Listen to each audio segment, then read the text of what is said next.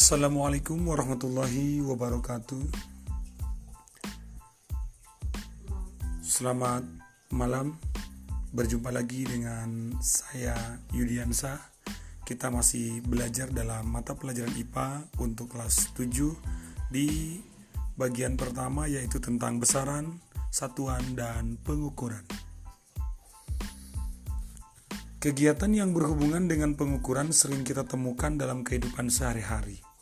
Misalnya di pasar. Sebagai contoh, seorang pedagang sembako dan seseorang yang berdagang sayuran pasti akan menimbang masa barang tersebut untuk dijual kepada pelanggannya. Atau contoh lainnya pedagang kain misalkan mengukur panjang dan lebar kain dengan menggunakan meteran. Serta pembeli dari pasar yang mau pulang melihat jamnya untuk memastikan kedatangan angkutan umum yang ditunggunya.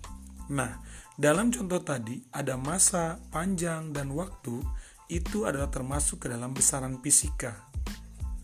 Karena dalam kehidupan sehari-hari banyak terdapat kegiatan yang berhubungan dengan pengukuran serta tentang besaran fisika, maka sangat penting untuk kita pelajari pengukuran tersebut dengan seksama.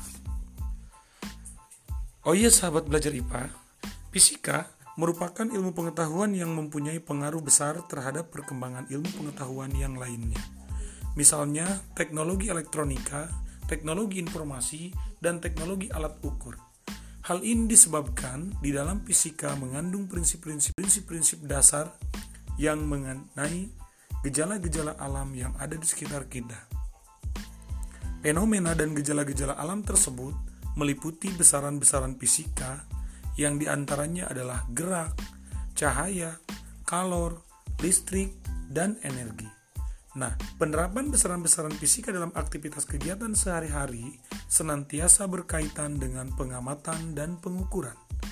Sebagai contoh, informasi kecepatan gerak pesawat terbang bagi seorang pilot berguna untuk mengoperasikan pesawat yang dikendalikannya atau contoh lainnya, besarannya suhu badan akan menjadi sebuah informasi yang penting diketahui agar badan kita sehat atau tidak.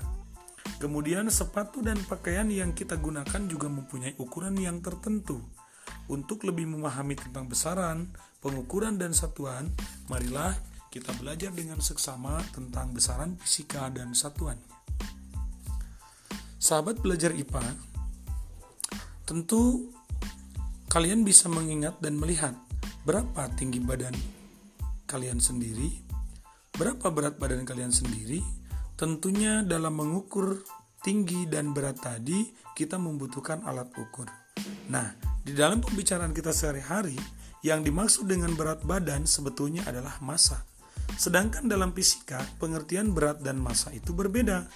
Berat yang kita maksudkan tadi dikatakan berat badan dapat kita tentukan dengan menggunakan alat timbangan berat badan. Misalnya, setelah ditimbang berat badan kamu 50 kilo atau dalam fisika itu adalah bermassa 50 kg. Tinggi atau panjang dan massa adalah sesuatu yang dapat kita ukur dan dapat kita nyatakan dengan angka dan satuan. Panjang dan massa merupakan besaran fisika jadi, besaran fisika adalah ukuran fisis suatu benda yang dinyatakan secara kuantitasnya. Nah, selain besaran fisika, juga terdapat besaran-besaran yang bukan besaran fisika.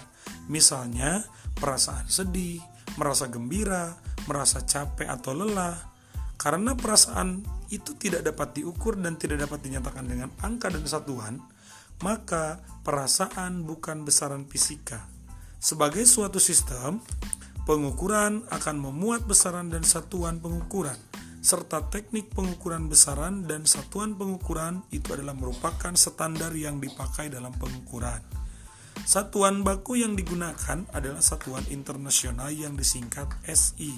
Dalam SI terdapat tujuh besaran pokok atau tujuh besaran dasar dan cara mengkonversi besaran pokok menjadi besaran dan satuan dan turunannya itu dibagi menjadi dua macam, yaitu yang pertama ada besaran pokok dan satuannya, yang kedua ada besaran turunan dan satuannya.